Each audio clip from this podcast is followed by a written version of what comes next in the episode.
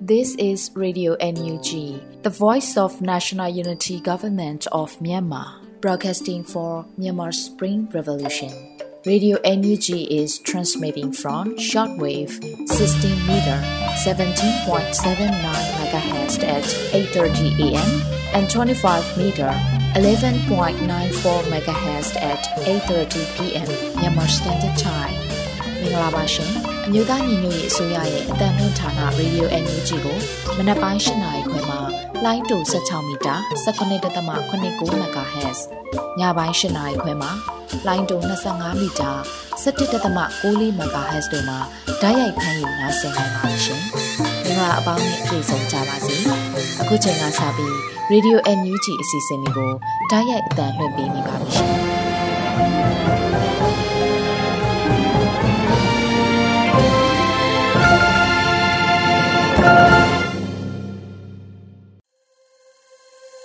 မြန်မာနိုင်ငံသူနိုင်ငံသားအပေါင်းတဘာဝဘေးစစ်အာဏာရှင်ဘေးတို့ကနေကင်းဝေးပြီးဘေးကင်းလုံခြုံကျန်းမာကြပါစေလို့ရေဒီယိုအန်ယူဂျီအဖွဲ့သားများကဆုတောင်းမေတ္တာပို့သလိုက်ရပါတယ်ရှင်ပထမဆုံးအနေနဲ့ကာကွယ်ရေးဝန်ကြီးဌာနရဲ့စစ်ရေးသတင်းကျဉ်းချုပ်ကိုမောင်ကျူးမှတင်ပြပေးမှာဖြစ်ပါတယ်ရှင်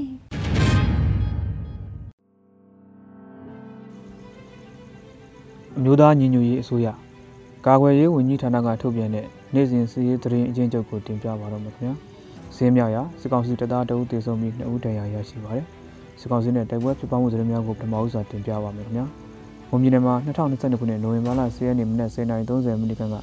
တန်ဖြူစက်မြို့နယ်တန်ဖြူစက်မြို့ကရင်းမြို့ဘက်ကိုတွားတဲ့လိမော်ကျန်ရွာနဲ့အောင်တပြေကျေးရွာကြားလမ်းမိုက်တနေရာမှာကားလေးစီးပါစစ်ကောင်စီရင်တန်းကိုတောင်ညိုပြည်သူ့တောက်ကြောက်ဘက်ကမိုင်းဆွဲခဲ့ပြီးနိုဝင်ဘာလ17ရက်နေ့မနက်9:00နာရီခန့်က ဧကဘာရွာနဲ့ဘေးလမိုင်းရွာကြားမှာစံများတဆောင်လာတဲ့ကား၃စီးပါစစ်ကောင်စီရင်တဲ့ကိုတောင်ကျပြည်သူယောက်ျားတပ်ဖွဲ့ကထပ်မံချုပ်ဖို့တက်ခဲ့ကြရာစစ်ကောင်စီတပ်သားတအုပ်တေဆုံးပြီး2ဦးတရားရရှိကြောင်းသိရှိရပါတယ်။စစ်ကောင်စီကကျွလွန်တဲ့ရာဇဝတ်မှုများအကြောင်းကိုဆက်လက်တင်ပြပါမယ်ခင်ဗျာ။အရှင်ပြည်နယ်မှာနိုဝင်ဘာလ17ရက်နေ့ကမုံမောက်မြို့နယ်ခါနန်ရက်ွက်ရှိနေအိမ်တစ်လုံးနဲ့ဈေးဆိုင်ကန်တစ်လုံးကိုစစ်ကောင်စီတပ်သားများကမိရှုဖျက်ဆီးသွားပြီးလူသားတအုပ်လက်နက်ကြီးထိမှန်တရားရရှိခဲ့ကြောင်းသိရှိရပါတယ်။ နိုဝင်ဘာလ17ရက်နေ့ကဖားကန်းမြို့နယ်ဖားကန်းမြို့ကို73စီတင်ဆောင်လာတဲ့ကားအစီး90ခန့်နိုင်ရဂိတ်မှာပိတ်မိနေပြီးပတ်စံပေးနိုင်လူသားပေးဝင်ကြောင်းသိရှိရပါတယ်။စစ်ကောင်စီတပ်များရဲ့လမ်းပိတ်ဆို့မှုကြောင့်ဖားကန်းမြို့မှာဓာတ်ဆီတကားလမ်းငွေကျပ်19000အထိဈေးမြင့်တက်နေကြောင်းသိရှိရပါတယ်။နိုဝင်ဘာလ10ရက်နေ့ကဖားကန်းမြို့နယ်ဖားကန်းမြို့ကိုစံတင်ပို့နိုင်ရတဲ့စစ်ကောင်စီတပ်ထံစံကုန်စည်များကရပ်ပေါင်း20ကြာညှိနှိုင်းခဲ့တော်လဲခွင့်ပြုမိနေရပဲ။ စံကားစီးရီ80ကျော်နိုင်ရဂိတ်မှာပိတ်မိနေကြောင်းသိရှိရပါတယ်။နိုဝင်ဘာလ10ရက်နေ့ကမွန်းချင်းမြို့နယ်နမ်းမကျေးရွာလေတော့ရက်ကွက်မှာနေထိုင်တဲ့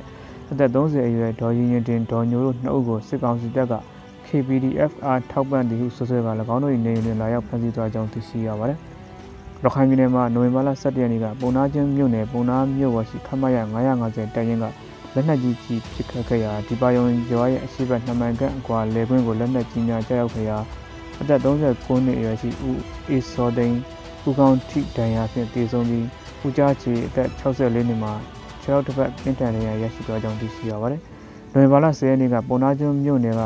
အင်ဂျီတရာကျော်ခန့်ရှိစင်အင်ဂျီကြီးရွာကိုစစ်ကောင်စီတပ်သားများကမိရှို့လျက်ရှိပြီးနေအိမ်လေးလုံးမိလောင်ကျွမ်းသွားကြောင်းသိရှိရပါတယ်။နိုဝင်ဘာလ10ရက်နေ့ကပုံနာကျွန်းမြို့နယ်မှာစစ်ကောင်စီလက်အောက်ခံပုံနာကျွန်းခမရ950တရင်စစ်တွေပါတလိပ် ကွန်းတောင်တက်စခန်းများကလက်နက်ကြီးများပစ်ခတ်မှုကြောင့်လက်နက်ကြီးကြီးထိမှန်ပြီးအိုင်ဒင်ကြီးရွာကအသက်15နှစ်အရွယ်ဆယ်တန်းကျောင်းသားမောင်စိုးဦးအသက်50နှစ်အရွယ်ဒေါ်မတ်နုချေနဲ့ရာချောင်းကြီးရွာကဦးဦးစောတို့ထိခိုက်ဒဏ်ရာရရှိသွားကြောင်းသိရှိရပါတယ်။လွန်ပါလာ10ရက်နေ့ကပုံနာကျွန်းမြို့နယ်စင်းကြီးကြီးရွာကိုစစ်တပ်ကဝင်ရောက်ခဲ့ပြီးရွာကိုမိရှုပြီးနောက်ဒေသခံများဖြစ်တဲ့ဦးမောင်မောင်သိန်းဦးမောင်ဆန်လဦးခမောင်ဦးမောင်ကျော်သိန်းဦးဆန်ဒေါ်ရညွန့်ဖြူဒေါ်ခင်သိန်းမြင့်ဦးထွန်းတာကျော် ဦးအေးထွန်းစိန်နဲ့ဆေးဆရာတို့စုစုပေါင်းပြည်သူ10ဦးကိုပြစ်တက်သွားကြောင်းသိရှိရပါတယ်။ချင်းပြည်နယ်မှာနိုဝင်ဘာလ17ရက်နေ့ကမင်းတပ်မြို့နယ်ပလုံတွီကျေးရွာကတစားခံပြဖမ်းဆီးခေါ်ဆောင်သွားခဲ့တဲ့အမျိုးသား9ဦးကိုလက်ပြန်ကျိုးတုတ်ကတခြားနေရာကိုခေါ်ဆောင်သွားခဲ့ပြီး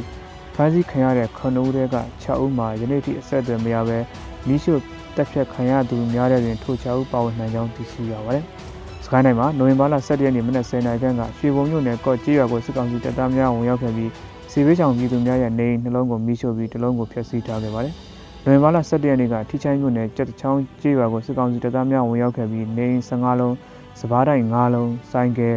ဂွန်တောင်းဆက်များကိုမိရှုဖျက်ဆီးခဲ့ပြီးနွားနှကောင်ကိုတက်ဖြတ်သွားခဲ့ပါတယ်။အဝေးတိုင်းမှာနိုဝင်ဘာလ10ရက်နေ့နံနက်ပိုင်းကနမောက်မြို့နယ်ဖတော်ရီကျေးရွာအနီးပတ်ဝန်းကျင်ရှိ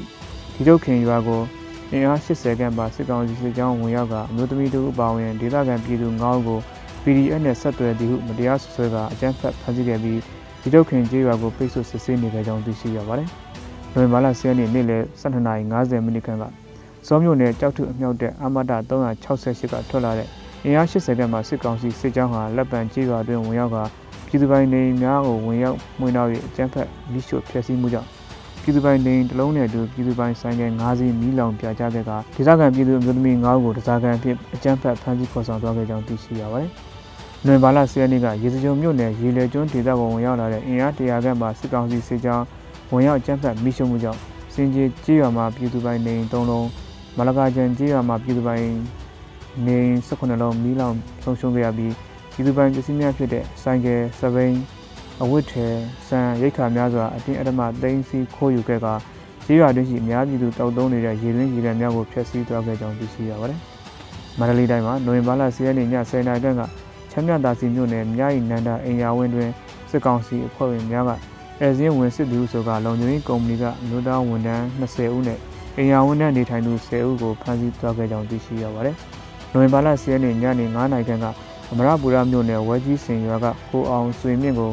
စစ်ကောင်စီကကား6စီးနဲ့နေအိမ်တို့အရက်ဝတ်များဖြင့်ဝင်ရောက်ပြီးဖမ်းဆီးခေါ်ဆောင်သွားခဲ့ပါတယ်။၎င်းမှာနေနေနေဒီမှာကြာနေပြီဖြစ်ပြီးအိမ်ပြန်ရောက်ဒီမှာ3ရက်ခန့်သာရှိသေးကြောင်းသိရှိရပါတယ်။နိုဝင်ဘာလ10ရက်နေ့ကမန္တလေးမြို့တော်ဝင်ဒေါက်တာရဲလွင်နဲ့စီမံကော်မတီအဖွဲ့ဝင်ဦးကျော်စရာတို့ကိုစစ်ကောင်စီများကပြည်တံမှလွတ်မြောက်ခံနေချိန်မှာပြန်လှုပ်မပေးပဲနိုင်ငံပိုင်ပစ္စည်းအလွဲသုံးစားမှုရာဇသက်ကြီးပုံမှန်400ကိုထပ်တိုးလိုက်ကြောင်းနဲ့ အဆိုပါမှုမှာအနိုင်ဆုံးထောင်ဒဏ်10နှစ်မှထောင်ဒဏ်တစ်သက်တစ်ကျွန်းထိချမှတ်နိုင်သည့်ပုံမှန်ဖြစ်ကြောင်းသိရှိရပါတယ်။ရန်ကုန်တိုင်းမှာနိုဝင်ဘာလ10ရက်နေ့ကဗဘဲရဲမြို့နယ်ရှမ်းစုတဲလန်းရှိပြည်သူ့လွှတ်တော်ကိုယ်စားလှယ်ဦးစီသူမောင်ရဲ့နေအိမ်ကိုရဲများနဲ့အုပ်ချုပ်ရေးအဖွဲ့ဝင်များကလာရောက်ချိတ်ပိတ်သွားခဲ့ကြောင်းသိရှိရပါတယ်။နိုဝင်ဘာလ10ရက်နေ့ကလှဲကူးမြို့နယ်ရိတ်တာရက်ကွက်နဲ့မေဂါအူရီရက်ကွက်ကပြည်သူတို့ဘီယူနာရှင်အသင်းအောက်ဆီဂျင်ရုံးမှလူငယ်2ဦးဥပယီနဲ့ရေကျော်ရွာကလူငယ်2ဦးတို့ကိုစစ်ကောင်စီဖွဲ့ဝင်များကဖမ်းဆီးသွားခဲ့ပါတယ်။ နိုဝင်ဘာလ10ရက်နေ့ကလှဲကူးမြို့နယ်အဝိုင်းကျေးရွာကလူငယ်2ဦးကိုအုပ်ချုပ်မှုက၎င်းကိုဆွဲဆိုသူဆိုကစစ်ကောင်စီတပ်သားများခေါ်ဖမ်းဆီးခံခဲ့ပါတယ်။တနင်္သာရီတိုင်းမှာနိုဝင်ဘာလ10ရက်နေ့ကပုတ်ပြင်းမြို့နယ်ယူဇနာစီအုံကုမ္ပဏီကဝါချောင်းတာဝန်ခံကိုဟိမင်းကျော်ပြောင်းနေသည့်တရင်ကိုဆက်လက်စုံစမ်းရာကြောက်ဖြူတောင်နီးကလောကမှာအုံနောက်မှနှစ်ခုတို့တနက်ကြီးပြန်ဖောက်ထွန်းထားတဲ့ဒဏ်ရာနဲ့ပြီးဆုံးနေကြောင်းသိရှိရပါတယ်။ အခုတင်ပြခဲ့တဲ့နေ့စဉ်စီးရဲသတင်းငယ်တွေကိုမြေပြင်သတင်းတာဝန်ခံများနဲ့သတင်းဌာနများကဖော်ပြထားတဲ့အချက်များပေါ်အခြေခံပြုစုထားတာဖြစ်ပါတယ်။ကျွန်တော်မောင်ကျူပါ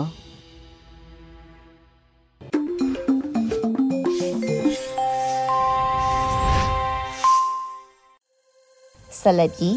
Radio UNG ရဲ့နောက်ဆုံးရသတင်းများကိုຫນွေဦးမွန်မှဖက်ကြားတင်ပြပေးပါမယ်ရှင်။မင်္ဂလာပါရှင် 2022ခုနှစ်နိုဝင်ဘာလ12ရက်နေ့ Radio NUG မနက်ခင်းပြည်တွင်သတင်းတွေကိုတင်ပြပေးသွားမှာဖြစ်ပါတယ်ကျွန်မကတော့ຫນွေဦးမော်ပါမြန်မာပြည်သူတွေရဲ့ဆင်းရဲဒုက္ခတွေကိုခြုံငိမ့်အောင်ကူညီဆောင်ရွက်ပေးမယ်ဆိုရင်ထူးပင်ကျေးဇူးတင်ရှိမယ်လို့အာဆီယံကိုယာယီသမရဒူဝါလက်ရှိလာပြောဆိုလိုက်တဲ့သတင်းကိုဥစွာတင်ပြပေးပါမယ်မြန်မာပြည်သူတွေရဲ့ဆင်းရဲဒုက္ခတွေကိုခြုံငိမ့်အောင်ကူညီဆောင်ရွက်ပေးမယ်ဆိုရင်အထူးကျေးဇူးတင်ရှိမယ်လို့အာဆီယံကို ယာယီသမရဒူဝါလက်ရှိလာကဆိုလိုက်ပါတယ်။နိုဝင်ဘာ၈ရက်အာဆီယံထိပ်သီးအစည်းအဝေးသို့မြို့သားညီညွတ်ရေးအစိုးရယာယီသမရဒူဝါလက်ရှိလာကပေးပို့တဲ့သဝန်လွှာမှာဆိုထားပါတယ်။ကျန်းဖတ်စစ်ကောင်စီကပြည်သူတွေကိုကျန်းဖတ်မှုဆုံးသက်ရေးအတွက်အာဆီယံနဲ့သဘောတူညီမှုကိုဘယ်တော့အခါမှနေစားခြင်းမရှိသလိုမြန်မာပြည်သူတွေရဲ့ဆန္ဒကိုလည်းနေစားမှုမရှိခဲ့ဘူးလို့ဆိုပါတယ်။ဒီခုပြုလုပ်တဲ့ထိပ်သီးအစည်းအဝေးမှာအကြံပြုချက်တွေကိုထည့်သွင်းစဉ်းစားတာလက်တွေ့ကျတဲ့ဆောင်ရွက်မှုတွေနဲ့ မြန်မာပြည်သူတွေရဲ့ဆင်းရဲဒုက္ခတွေကိုခြုံငိမ့်အောင်ကူညီဆောင်ရွက်ပေးမယ်ဆိုရင်အထူးပင်ကျေးဇူးတင်ရှိမယ်လို့ယာယီသမ္မတကဆိုထားပါတယ်။40နဲ့41ကြိမ်မြောက်အာဆီယံထိပ်သီးအစည်းအဝေးပွဲကို2022ခုနှစ်နိုဝင်ဘာ10ရက်ကနေ23ရက်နေ့ထိကမ္ဘောဒီးယားနိုင်ငံမှာကျင်းပမှာဖြစ်ပါတယ်ရှင်။အာဆီယံထိပ်သီးစည်းဝေးများနဲ့အာဆီယံနိုင်ငံသားရေးဝန်ကြီးများအစည်းအဝေးများတို့မြန်မာနိုင်ငံကိုနိုင်ငံရေးအရကိုစားပြုသူမဖိတ်ကြားတဲ့အစီအစဉ်ဆက်လက်ဆောင်ရွက်မယ်ဆိုတဲ့သတင်းကိုလည်းတင်ပြပေးကြပါမယ်။ အာဆီယံထိပ်သီးအစည်းအဝေးများနဲ့အာဆီယံနိုင်ငံသားရေးဝန်ကြီးများအစည်းအဝေးကိုမြန်မာနိုင်ငံကိုနိုင်ငံရေးကိုစားပြုသူမဖိတ်ကြားတဲ့အစီအစဉ်ဆက်လက်ဆောင်ရွက်မယ်လို့သတင်းထုတ်ပြန်ခဲ့ပါတယ်။မြန်မာအရေးအာဆီယံဘုံသဘောတူညီချက်၅ချက်ကိုပြန်လည်သုံးသပ်ပြီးအချက်၁၀ချက်အသစ်ကိုထပ်မံထည့်သွင်းကအပိသက်မူချက်15ချက်ထုတ်ပြန်ခဲ့တာဖြစ်ပါတယ်။မြန်မာနိုင်ငံရဲ့အခြေအနေဟာစိုးရိမ်ရကထိရှလွယ်ဆဲဖြစ်ပြီးမြန်မာနိုင်ငံသားမကအာဆီယံအတိုင်းအဝန်တည်ဆောက်ရေးကြိုးပမ်းမှုများကိုပါထိခိုက်စေတယ်လို့ဆိုထားပါတယ်။ အဓိကစိုးရိမ်မှုဖြစ်တဲ့အကြမ်းဖက်မှုကြီးထွားလာခြင်းကိုထည့်သွင်းစဉ်းစားပြီးလက်ရှိအကြက်တွဲအတွက်ငြိမ်းချမ်းပြီးရေရှည်ခံတဲ့အဖြေကိုရှာဖွေရမှာမြန်မာနိုင်ငံကိုကူညီပေးရန်အာဆီယံကကတိပြုပါတယ်လို့ဖော်ပြပါတယ်။ဒါအပြင်အာဆီယံထိပ်သီးအစည်းအဝေးများနဲ့အာဆီယံနိုင်ငံခြားရေးဝန်ကြီးများအစည်းအဝေးများကိုမြန်မာနိုင်ငံကိုနိုင်ငံရေးအရကိုစားပြုသည့်သူကိုမဖိတ်ကြားတဲ့အစီအစဉ်ကိုဆက်လက်ဆောင်ရွက်မှာဖြစ်ပါတယ်။အခြေအနေအရလိုအပ်ပါကအာဆီယံအစည်းအဝေးများမှာမြန်မာရဲ့ကိုစားပြုမှုကိုထပ်မံသုံးသပ်ရန်အာဆီယံညီနိုင်ရေးကောင်စီကိုတာဝန်ပေးအပ်ပါတယ်လို့လည်းဆိုထားပါတယ်ရှင်။ မြန်မာနွေဦးနဲ့နိုင်ငံတကာရဲ့အခမ်းအနားလူလူဆွေးနွေးပါမှာနိုင်ငံခြားရေးဒုဝန်ကြီးဦးမိုးစုံပါဝင်ဆွေးနွေးမယ်ဆိုတဲ့သတင်းကိုလည်းတင်ပြပေးပါမယ်။မြန်မာနွေဦးနဲ့နိုင်ငံတကာရဲ့အခမ်းအနားလူလူဆွေးနွေးပါမှာနိုင်ငံခြားရေးဒုဝန်ကြီးဦးမိုးစုံပါဝင်ဆွေးနွေးမယ်လို့သတင်းရရှိပါတယ်။တရားနှစ်နှစ်ပြည့်အမျိုးသားနေ့73ရက်တာလှုပ်ရှားမှုမှာနိုင်ငံခြားရေးကဏ္ဍဆိုင်ရာစောအော်တိုက်တွန်းမှုများနဲ့အတူယနေ့လက်ရှိနွေဦးဒေါ်လာရင်းနဲ့နိုင်ငံတကာအခင်းကျင်းအခြေအနေများအားသတင်းစကားပေးနိုင်ရန်ရည်ရွယ်ပြီး မြန်မာနွေဦးနဲ့နိုင်ငံတကာရဲ့အခမ်းအနားညီရဟောပြောပွဲကို2022ခုနှစ်နိုဝင်ဘာ12ရက်မြန်မာစံတော်ချိန်ည9:00နာရီမှ9:00နာရီထိတိုက်ရိုက်ထုတ်လွှင့်သွားမှာဖြစ်ပါတယ်။ဆိုပါလူလူအစည်းအဝေးပွဲမှာမြို့သားညီညွတ်ရေးအစိုးရနိုင်ငံခြားရေးဝန်ကြီးဌာနနိုင်ငံခြားရေးဒုဝန်ကြီးဦးမိုးစုံပြည်မြို့သားစီယုံနိုင်ငံခြားရေးဌာနပြောရေးဆိုခွင့်ရှိသူဘရူစောတာနီနဲ့ဒေါခင်အောင်မှာ Progressive Voice တို့ကဆွေးနွေးသွားမှာဖြစ်ပါတယ်။လူလူစည်းဝေးပွဲကိုသတင်းမီဒီယာများနဲ့မီဒီယာ channel များကထုတ်လွှင့်ပြသပေးသွားမှာဖြစ်ပါတယ်ရှင်။ ထိုင်းနိုင်ငံဘန်ကောက်မှာအသက်ခံရတဲ့မြန်မာအမျိုးသမီးအမှုကိုမြို့သားညီညွတ်ရေးအစိုးရလူသမားဝန်ကြီးဌာနအနေနဲ့မှုမှန်ပေါ်ပေါက်နိုင်ရေးအတွက်နေမီရဲစခန်းနဲ့ချိတ်ဆက်ပြီးကူညီဆောင်ရွက်ပေးလျက်ရှိတဲ့ဆိုတဲ့သတင်းကိုလည်းတင်ပြပေးပါမယ်။ထိုင်းနိုင်ငံဘန်ကောက်မှာသက်ခံရတဲ့မြန်မာအမျိုးသမီးအမှုကိုမြို့သားညီညွတ်ရေးအစိုးရလူသမားဝန်ကြီးဌာနအနေနဲ့မှုမှန်ပေါ်ပေါက်နိုင်ရေးအတွက်နေမြေကန်ရဲစခန်းနဲ့ချိတ်ဆက်ပြီးကူညီဆောင်ရွက်ပေးလျက်ရှိတယ်လို့သတင်းရရှိပါတယ်။နွေမလာအတွင်းမှာမြန်မာလူသမားတန်ရာရှိဟောင်းဥဝေးလင်းမောင်ကအသိပေးဆိုထားပါတယ်။ နွေမဆယ်ရက်ထိုင်းနိုင်ငံအကချိုင်ဘန်မော့ဆွဲ89ရှိမြန်မာနိုင်ငံသားအများစုနေထိုင်ရာတိုက်တန်လျာမှာမြန်မာမျိုးသမီးတူအခန်းတွင်တည်ဆုံနေကြောင်းသိရှိရပါတယ်။ဆိုပါမိန်ကလေးမှာဒဝဲသူဖြစ်တယ်လို့သိရပါတယ်။မိသားစုဆွေမျိုးများတွေ့ရှိပါကဆက်သွဲလာပေးပါ။မြို့သားညီညွတ်ရေးအစိုးရလူသမားဝန်ကြီးဌာနအနေနဲ့မှုမှန်ပေါ်ပေါက်နိုင်ရေးအတွက်အာရရဖွဲ့သို့တာဝန်ပေးရပြီးနေမြေကရဲစခန်းနဲ့ချိတ်ဆက်ပြီးကူညီဆောင်ရွက်ပေးရရှိပါတယ်လို့ဆိုထားပါတယ်။ထိုင်းရဲတပ်ဖွဲ့ကစစ်ဆေးရမှာအလောင်းမှာဝေးလစ်စလစ်ဖြစ်၍လဲလိမ်ပြီး ဒဏ်ရာအချို့နဲ့သေဆုံးနေ၍လူသက်ခံရတဲ့ပုံစံလို့မှတ်ချက်ပြုထားပါတယ်ရှင်။ PDF ဒီလင့်အတွက်မြို့သမီလူငယ်နှင့်ကလေးငယ်ဝန်ကြီးဌာနမှငွေကျပ်15သိန်းကူညီထောက်ပံ့တဲ့တဲ့ရင်ကိုဆက်လက်တင်ပြပေးပါမယ်။ PDF ဒီလင့်အတွက်မြို့သမီလူငယ်နှင့်ကလေးငယ်ဝန်ကြီးဌာနမှငွေကျပ်15သိန်းကူညီထောက်ပံ့ခဲ့ပါတယ်။နှွေမာ17ရက် People's Defense Force ထီလင် YRPA ကအသိပေးဆိုပါတယ်။နှွေမာလ10ရက်နေ့ဖဲကြိုးပြူကမ်ပိန်းတွင် PDF ထီလင်ကံကောခရိုင်အမှတ် နှင်းမြင့်ဆောင်လေးမြင့်ဆောင်တစ်ဆက်တရမှာရဲမေများအတွက်အနှွေးတဲ့ခြုံဆောင်ဆက်ပြမြို့သမီးသုံးဆောင်ပစ္စည်းများနဲ့ပြည်သူ့ကာကွယ်ရေးတပ်သားများအတွက်သားဟင်းနဲ့ထမင်းတနက်စာအကွေးတိုင်းဆက်သွယ်ရေးတာဝန်ခံမှဆက်သွယ်ကငွေကျပ်15သိန်းကူညီပံ့ပိုးပါတော့မြို့သမီးလူငယ်နှင့်ကလေးတငယ်ရေးရာဝန်ကြီးဌာနအားအထူးကျေးဇူးတင်ရှိပါတယ်လို့ဖော်ပြပါတယ်။နွေမာလ25ရက်နေ့မှဒီဇင်ဘာလ10ရက်နေ့ထိကမ္ဘာနှစ်အဝင်းတွင်နှစ်စဉ်ကျင်းပလေရှိတဲ့16ရက်တာဖဲချိုးပြူလှုပ်ရှားမှုကာလဖြစ်ပါတယ်ရှင်။ ကချင်ပြည်နယ်မိုးမောင်မှာဂျမ်ဖက်စစ်တပ်ကလက်နက်ကြီးနဲ့ပစ်ခတ်ကရသားနေချုပ်ကိုလည်းမိရှုဖျက်ဆီးတဲ့တရင်ကိုတင်ပြပေးပါမယ်။ကချင်ပြည်နယ်မိုးမောင်မှာဂျမ်ဖက်စစ်တပ်ကလက်နက်ကြီးနဲ့ပစ်ခတ်ပြီးရသားနေချုပ်ကိုလည်းမိရှုဖျက်ဆီးခဲ့တယ်လို့သိရပါတယ်။လွေးမဆက်တဲ့နေ့မှာစစ်ကောင်စီတပ်ဖွဲ့ဝင်များကမိုးမောင်အထက်ကကြောင်းရှိမှရှိတဲ့နေနှလုံးကိုမိရှုဖျက်ဆီးခဲ့တယ်လို့သတင်းရရှိပါတယ်။မိုးမောင်မှာဘာတိုက်ပွဲမှမရှိပဲစစ်ကောင်စီကသူတို့ဘာသာသူတို့စစ်ပွဲဖန်တီးမိလက်နက်ကြီးငယ်ရန်တမ်းပစ်ခတ်ခဲ့ပါတယ်။အိမ်တွေကိုလည်းမီးလိုက်ရှို့ခဲ့တယ်လို့သိရပါတယ်လို့ ပြည်ထောင်စုဝန်ကြီးဒေါက်တာဒူးကောင်ကဆိုပါတယ်လက်ရှိမှာဒေသခံပြည်သူများထွက်ပြေးတိမ်းရှောင်နေရပြီးတော့ကချင်ပြည်နယ်ကိုစစ်ကောင်စီတပ်များဟာအခုရပိုင်းတွင်ထိုးစစ်ဆင်မှုများပြုလုပ်လျက်ရှိပါတယ်ရှင်လက်ဆောင်တုံးမှတ်ပြီးဖွင့်ပေါက်ကြည်ရမှစစ်ကောင်စီခက်ကောလင်းမြို့နယ်တရားသူကြီးပုံထိသေဆုံးတဲ့တဲ့ရင်ကိုတင်ပြပေးပါမယ်လက်ဆောင်တုံးမှတ်ပြီးဖွင့်ပေါက်ကြည်ရမှစစ်ကောင်စီခက်ကောလင်းမြို့နယ်တရားသူကြီးပုံထိသေဆုံးခဲ့တယ်လို့သိရပါတယ်။နှွေမှာ17ရက်မနက်ပိုင်းပါဆယ်ဘုံကိုဖွင့်ပေါက်ကြည့်ရမှာ ကောလင်းမြို့နယ်စစ်ကောင်စီကတရားသူကြီးထိမှန်ခဲ့တယ်လို့ကောလင်းတော်လိုင်းအင်အားစုကဆိုပါတယ်။ကောလင်းမြို့နယ်ရဲစခန်းအနီးတရားရုံးမှာနှွေမှာ17ရက်နေ့မနက်ကပောက်ကွဲမှုဖြစ်ပွားခဲ့ပါတယ်။စစ်ကောင်စီလက်အောက်မှာတာဝန်ထမ်းဆောင်နေတဲ့ဝန်ထမ်းသုံးဦးနဲ့တရားသူကြီးတအူထိမှန်ခဲ့တယ်လို့ဆိုပါတယ်။ဘုံပေါက်ကွဲပြီးတေဆုံးသူမှာမြို့နယ်တရားသူကြီးဥပရဆိုင်ဖြစ်ပြီးတော့ပါဆယ်တို့ကိုဖွင့်ကြည့်ခဲ့သူလည်းဖြစ်ပါတယ်ရှင်။တာယာရီခရိုင် အုပ်ဖို့မြို့နယ်ဂျိုကိုပင်ရွာမှစက်ကြီးကောက်ရီပြန်လာတော့ဂျမ်ဖတ်စစ်ကောင်စီတပ်ဖွဲ့များမိုင်းမိပြီးသုံးဦးပွဲကြီးပင်တေဆုံးတဲ့တဲ့ရင်ကိုဆက်လက်တင်ပြပေးပါမယ်။ပဲခူးတိုင်းတာယာရီခရိုင်အုပ်ဖို့မြို့နယ်ဂျိုကိုပင်ရွာမှစက်ကြီးကောက်ရီပြန်လာတဲ့ဂျမ်ဖတ်စစ်ကောင်စီတပ်ဖွဲ့များမိုင်းမိပြီးသုံးဦးပွဲကြီးပင်တေဆုံးခဲ့ပါတယ်။လွေမဆက်တရက်နေ့နေ့လယ်2နာရီခွဲခန့်အချိန်စစ်ကောင်စီတပ်များကိုမိုင်းဆွဲတိုက်ခိုက်ခဲ့တာလို့တာယာရီခရိုင် PDF တန်ရဲ့3832တက်ခွဲ9ကအတည်ပြုပါတယ်။အုပ်ဖို့မြို့နယ်ဂျိုကိုပင်ရွာမှစက်ကြီးကောက်ရီပြန်လာတော့ ဂျပန်စစ်ကောင်စီတပ်ဖွဲ့များကိုဂျိုကိုဗင်ရွာနဲ့ဝိုင်းရွာအကြားမှာတာယာရီခရိုင် PDF တရင်383ညနဲ့တက်ခွဲ9ကနွေမ17ရက်နေ့နေ့လယ်2နာရီမိနစ်30ခန့်မှာမိုင်းဆွဲတိုက်ခိုက်ခဲ့ရာစစ်ကောင်စီတပ်သား3ဦးနေရာ၌ပွဲချင်းပြီးသေဆုံးခဲ့ပါတယ်လို့ဆိုပါတယ်။မိုင်းတီဗီစစ်ကောင်စီတပ်သားအများအပြားထိခိုက်ဒဏ်ရာရရှိခဲ့ပြီးတော့ဂျပန်စစ်ကောင်စီဘက်မှရန်တမ်းပစ်ခတ်မှုများပြုလုပ်ခဲ့တော့လဲတော်လိုင်းရဲဘော်များဘေးကင်းစွာဆုတ်ခွာနိုင်ခဲ့ပါတယ်ရှင်။ မင်းတပ်မြို့284တရင်မှာကြေးရွာများဘက်သို့ညချိန်လက်နက်ကြီးနဲ့ချက်ပေါင်းများစွာပစ်ခတ်တဲ့တဲ့ရင်ကိုတင်ပြပေးပါမယ်။ချင်းပြည်နယ်မင်းတပ်မြို့284တရင်မှာကြေးရွာများဘက်ကိုညချိန်လက်နက်ကြီးနဲ့ချက်ပေါင်းများစွာပစ်ခတ်ခဲ့ပါတယ်။လွေမ17ရက်ည8နာရီကျော်အချိန်မှာမင်းတပ်မြို့ထဲကနေရွာတွေကိုပစ်ခတ်ခဲ့တာလို့မင်းတပ် CDF က Radio Energy ကိုအတည်ပြုဆိုပါတယ်။ဒီကောင်တွေမြို့ထဲကနေရွာဘက်ကိုပြင်နေတာပါခင်ဗျ။ ထိခိုက်ပျက်စီးမှုမသိရသေးပါဘူး။ညပိုင်းကရွာဘက်သွားလာခွင့်တွေပိတ်ထားလို့ပါလို့မင်းနဲ့ CDF တပ်ဖွဲ့ဝင်တအူးကဆိုပါတယ်။မင်းနဲ့မြို့284တရဲမှကျွော်များဘက်သို့အကြောင်းမဲ့လက်နက်ကြီးများမနာတဲ့ရန်တမ်းပစ်ခတ်နေသောကြောင့်ကျွော်နေပြည်သူများနဲ့တက်ကြီးရွယ်ဦးများထွက်ပြေးပုန်းရှောင်နေရတယ်လို့သတင်းရရှိပါတယ်ရှင်။ဒဇယ်မြို့နယ်ဝရငယ်မှုတရားနေ့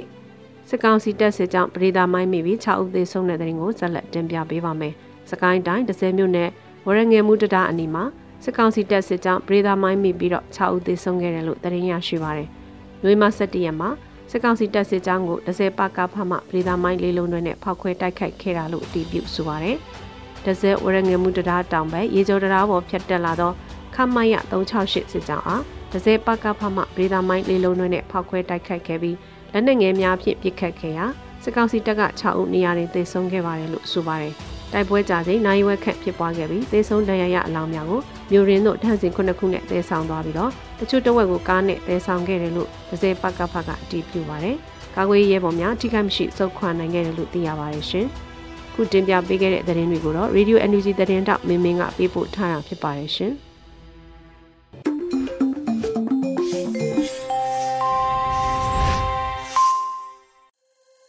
ရေဒီယိုအယူဂျီမှဆက်လက်တမ်းလွှင့်နေပါတယ်။အ ခုဆက်လက်ပြီးပြည်သူခုခံတော်လှန်စစ်တရင်များကိုမင်းနိုင်ຫນွေဦးမှတင်ဆက်ပေးမှာဖြစ်ပါတယ်ရှင်။ပထမဦးစွာတင်ဆက်မှာကမုံရွာမှာစစ်ကောင်စီအဆောင်များတိုက်ခိုက်ခံရတဲ့တရင်မှာနိုဝင်ဘာလ9ရက်နေ့ကစကိုင်းတိုင်းမုံရွာမြို့ရေကုတ်ကန်လမ်းမိပွိုင်းကိကအဆောင်စစ်ကောင်စီတပ်သားများကိုဒေသခံကာကွယ်တပ်ဖွဲ့များကလက်ပစ်ပုံးဖြင့်ပြစ်ခတ်တိုက်ခိုက်ခဲ့ပြီးနှစ်ဦးသေဆုံးကြောင်းသိရပါတယ်။အဆောက်စစ်သားများ အိပ်ပျော်နေစဉ်မှာတိုက်ခိုက်ခဲ့တာဖြစ်ပြီးအထိကိမရှိပြန်လည်ဆုတ်ခွာနိုင်တယ်လို့မုံနာခရိုင်တရင်နစ်ကထုတ်ပြန်ပါတယ်။ဆက်လက်တင်ဆက်မှာကပလော့တိုက်ပွဲစစ်တပ်ဘက်မှအထိကိများတယ်ဆိုတဲ့သတင်းမှာတနင်္လာရီတိုင်းပလောမြို့နယ်တွင်အကြမ်းဖက်စစ်တပ်နှင့်ကာကွယ်ရေးတပ်ဖွဲ့များထိတွေ့တိုက်ပွဲများဖြစ်ပွားပြီးစစ်သား9ဦးသေဆုံးကြောင်းသိရပါတယ်။နိုဝင်ဘာလ10ရက်နေ့နနက်8:30မိနစ်တွင်ကရဲကျွရအတွင်သို့စစ်ကြောင်းထိုးဝင်လာတဲ့အကြမ်းဖက်စစ်တပ်နှင့် PPTF ပူးပေါင်းတပ်ဖွဲ့တို့ထိတွေ့တိုက်ပွဲ၃ကြိမ်ဖြစ်ပွားခဲ့တာပါအကြမ်းဖက်စစ်တပ်စစ်ကြောင်းနဲ့ဒေသကာကွယ်ရေးတပ်ဖွဲ့များထိတွေ့တိုက်ပွဲများအတွင်အကြမ်းဖက်စစ်တပ်ဘက်မှ9ဦးသေဆုံးပြီးမွန်းလယ်12နာရီခန့်တွင်အကြမ်းဖက်စစ်တပ်စစ်ကြောင်းများပြန်လည်ဆုတ်ခွာသွားကြောင်း PPTF တပ်ဖွဲ့ကထုတ်ပြန်ထားချက်အရသိရပါတယ်။တောင်ငူမှာကျွရမီရှို့ခဲ့တဲ့စစ်တပ်ကို PDF ပူးပေါင်းတပ်များကတိုက်ခတ်ခဲ့တဲ့သတင်းဆက်လက်တင်ဆက်မှာပါ။ပဲခူးတိုင်းတောင်ငူမြို့နယ်ညာကျွရကို ပြက်ကတ်ဝင်ရောက်စီးမြင်သည့်စစ်ကောင်စီတပ်ကို PDF ပူးပေါင်းတပ်များကတိုက်ခိုက်တဲ့ဖြင့်စစ်သား9ဦးသေဆုံးက9ဦးဒဏ်ရာရရှိကြောင်း PDF သတင်းရင်းမြစ်ကဆိုပါတယ်။တိုက်ပွဲအတွင်းအကြမ်းဖက်စစ်ကောင်စီဘက်မှ MA3 ကြီးပေါင်းနဲ့5.56ကြီး29တောင်ဓာအုတ်ထုံနဲ့ညာရတဲ့အိမ်မရှိပြီးလူရက်ခိုးယူသွားသောအိမ်သုံးပစ္စည်းများကိုပြည်သူ့ကာကွယ်ရေးအဖွဲ့များကပြန်လည်သိမ်းဆည်းရရှိခဲ့ကြောင်းသိရှိရပါတယ်။နောက်ဆုံးအနေနဲ့ မြင်းမူမြမစီးပွားရေးဘဏ်လုံခြုံရေးအဆောင်စစ်တပ်ဘုံဖြင့်ပြစ်ခတ်ခံရ၍စစ်သား9ဦးသေဆုံးတယ်ဆိုတဲ့သတင်းတင်ဆက်ပါမယ်။စကိုင်းတိုင်းမြင်းမူမြို့နယ်မြမစီးပွားရေးဘဏ်အဆောင်စစ်သားများကိုယနေ့နေ့နေ့ပိုင်းတွင်လက်ပစ်ပုံးဖြင့်ပြစ်ခတ်၍စစ်သား9ဦးသေဆုံးကြောင်းမြင်းကြံ0ပျောက်ကြားတပ်ဖွဲ့ခေါင်းဆောင်ကိုသက်ကြီးထံမှသိရပါဗျ။နိုဝင်ဘာလ17ရက်နေ့နက်နက်9နာရီအကျော်အချိန်မြင်းမူမြမစီးပွားရေးဘဏ်တွင်အိပ်ပျော်နေတဲ့လုံခြုံရေးအဆောင်စစ်သားများကိုလက်ပစ်ပုံးဖြင့်ဝင်းရောက်ပြစ်ခတ်ခဲ့ခြင်းဖြစ်ပြီး ဘုံထိမှန်၍စစ်သား9ဦးသေဆုံးကတအူးအပြင်းထန်ဒဏ်ရာရရှိခဲ့ကြောင်းဒေသခံတအူးကဆိုပါတယ်ခင်ဗျာ။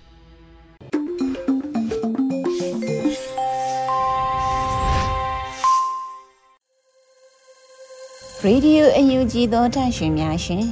PVTV ရဲ့နေ့စဉ်သတင်းများကိုထထအင်ဒရာအောင်မှဖက်ကြားတင်ပြပေးထားပါတယ်ရှင်။ အခုချိန်ကစပြီး PVTV သတင်းတွေကိုတင်ဆက်ပေးတော့မှာပါ။ကျွန်မထထအင်ဒရာအောင်ပါ။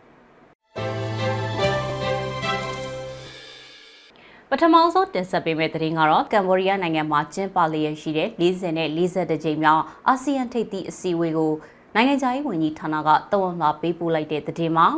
ကမ်ဘောဒီးယားနိုင်ငံမှာကျင်းပလျက်ရှိတဲ့40နဲ့42ကြိမ်မြောက်အာဆီယံထိပ်သီးအစည်းအဝေးကိုအမျိုးသားညီညွတ်ရေးအစိုးရနိုင်ငံခြားရေးဝန်ကြီးဌာနက နိုဝင်ဘာလ10ရက်ရက်စွဲနဲ့တဝန်လာပေးပို့လိုက်ပါတယ်။တဝန်လာထဲမှာအာဆီယံထိပ်သီးအစည်းအဝေးတွေနဲ့ဆက်ဆက်အစည်းအဝေးတွေမှာအာဆီယံခေါင်းဆောင်တွေအနေနဲ့မြန်မာနိုင်ငံရဲ့ပြည်သူလူထုလုံခြုံရေးကျန်းမာရေးဒီမိုကရေစီစံတာနဲ့အကျိုးစီးပွားများအားဦးစားပေးဆောင်ရွက်နိုင်စေရန်တိုက်တွန်းနေဆိုပြီးတော့ဖော်ပြထားပါတယ်။အကြမ်းဖက်စစ်ကောင်စီကထိပ်သီးအစည်းအဝေးတွေကျင်းပနေစေကာလမှာပဲအယက်သားပြည်သူတွေအပေါ်တိုက်ခိုက်မှုတွေကိုအရှိန်မြင့်လှုံ့ဆော်နေပြီးစာတင်ကျောင်းတွေကိုဘုံခွဲတိုက်ခိုက်တာ ကြေးရွာတွေမှာရွာလုံးကျွတ်မိရှုဖျက်ဆီးတာခေါင်းဖြတ်တက်တာအပါအဝင်အမျိုးသမီးတွေနဲ့ကလေးတငယ်တွေကိုမိရှုတပ်ဖြတ်တာအဆရှိတဲ့ရက်ဆက်ကြမ်းကြုတ်မှုတွေကိုလူသားမဆန်စွာနဲ့ပြုလုပ်နေတယ်လို့ဖော်ပြထားပါတယ်။ဒါ့အပြင်ဒီမိုကရေစီအရေးတက်ကြွလှုပ်ရှားသူတွေကိုကွက်မြက်တာတွေမပြုလုပ်ဖို့အတွက်အာဆီယံကတိုက်တွန်းခဲ့ပေမဲ့လည်းအဲ့ဒီပန်ကြားချက်ကိုမျက်ကွယ်ပြုပြီးတော့လူမဆန်တဲ့ရက်ဆက်မှုတွေကိုပြုလုပ်ခဲ့တယ်လို့ဆိုထားပါတယ်။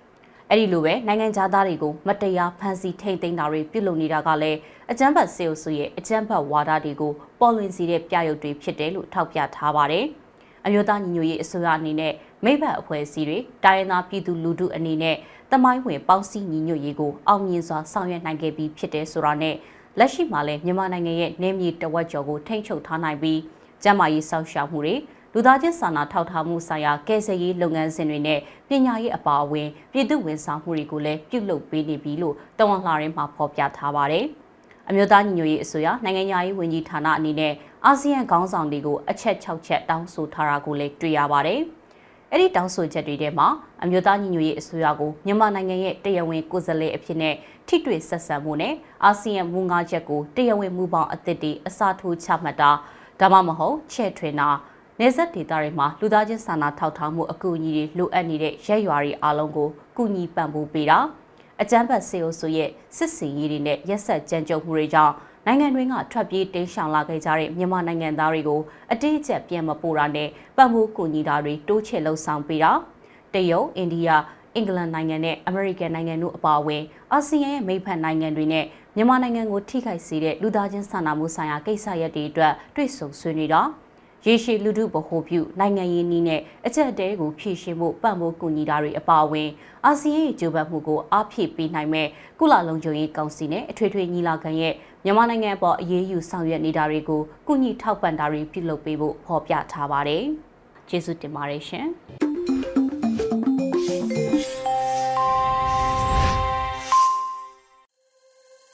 အခုဆက်လက်ကြည့်တိုင်းသားဘာသာစကားအစီအစဉ်အနေနဲ့ ချိုချင်းဘာသာစကားခွဲတစ်ခုဖြစ်တဲ့ဒိုင်းဘာသာစကားဖြင့်သတင်းထုတ်လွှင့်မှုအစီအစဉ်ကိုတင်ဆက်ပေးမှာဖြစ်ပါတယ်။ဒီအစီအစဉ်ကို Radio UNG နဲ့ချိုချင်းဘာသာစကားထုတ်လွှင့်မှုအစီအစဉ်အဖွဲ့တို့ပူးပေါင်းထုတ်လွှင့်တာဖြစ်ပါတယ်ရှင်။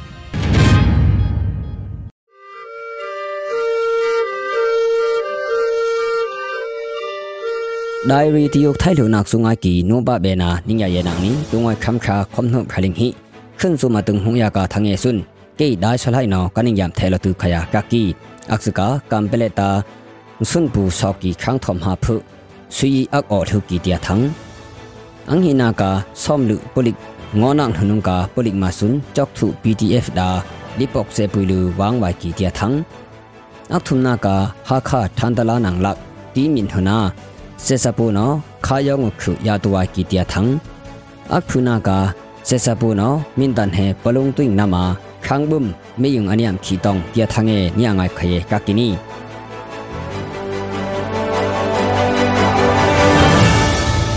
กำเปลมเลือกคือลือตุมเพนอีกีคังทอมหักเลยลอนหงเกียกักกีอสุเนียผือสุยอักออทุกีติลืออันนี้เป็นอากักกีคอกสิกพลลือครูคองกาตุมเพนอีกีอผือสุย khayong khu ya tuwa ki tia thang akhuna ka se sapu no min tan he palung tuing nama khang bum me yung aniam khi tong tia thange nia ngai khaye ka kini kambelem lu akhulu tum phen iki khang thom hak thoi lon hong kia ka ki asune aphu sui ak o thuki tilu ani prena ka ki khoksik phalalu khu khong ka tum phen iki aphu sui ku lum log lu ang to na ya ku i wai thuki tilu ya ku e khwa ki khang man no rf yong am the ka ki sun ko na sang situi msi khosung ya sei hai pi thuki ka ki khang thom ha sun thang kum ok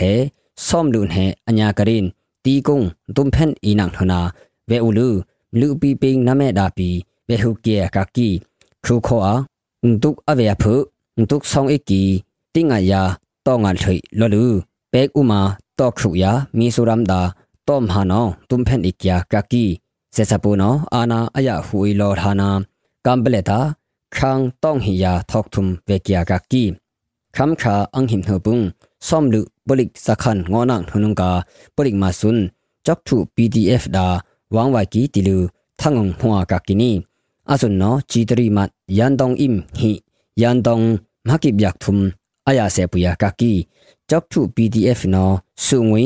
atinga phukip pe ulu lunnak pe da ani tha u tilu thangong hwa ka ki alhana sungwi khat ki pet waya pen kra ulupi polik ya se sa no ania lopuya lipok am yuwa khanung sungwi sun thul hai wai tilu chok thu pdf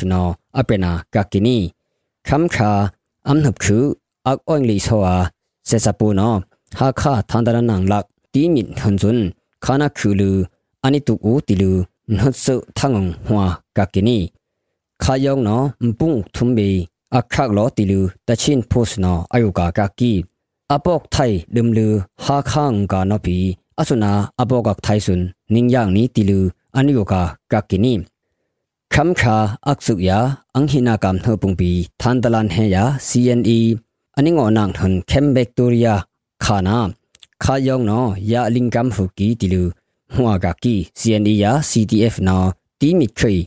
anik prolo ko nang tuknak sun dum lobok ya ka ki khamkha akhum hopung ptf sui ya sui saulu se sapu phram ku sun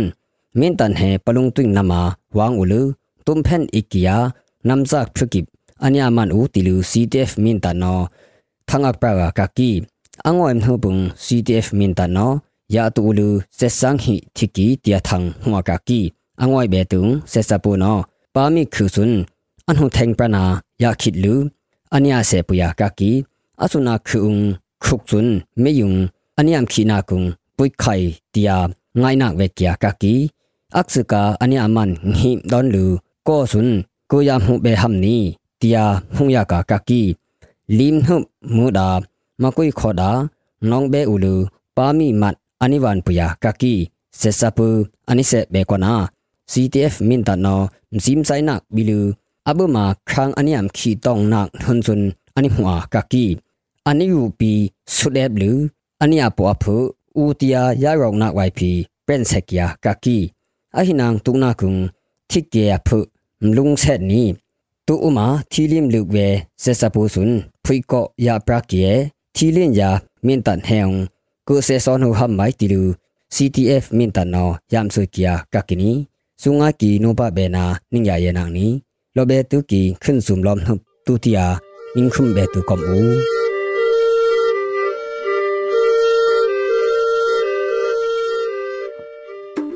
ဒီကနေ့ကတော့ဒီညနဲ့ပဲ Radio NUG ရဲ့အစီအစဉ်လေးကိုခਿੱတရနာလိုက်ပါမယ်ရှင်။ မြမစံတော်ချိန်မနက်၈နာရီခွဲနဲ့ည၈နာရီခွဲအချိန်တွေမှာပြန်လည်ဆုံတွေ့ကြပါစို့။ Radio NUG ကိုမနက်ပိုင်း၈နာရီခွဲမှာလိုင်းတူ16မီတာ19.8 MHz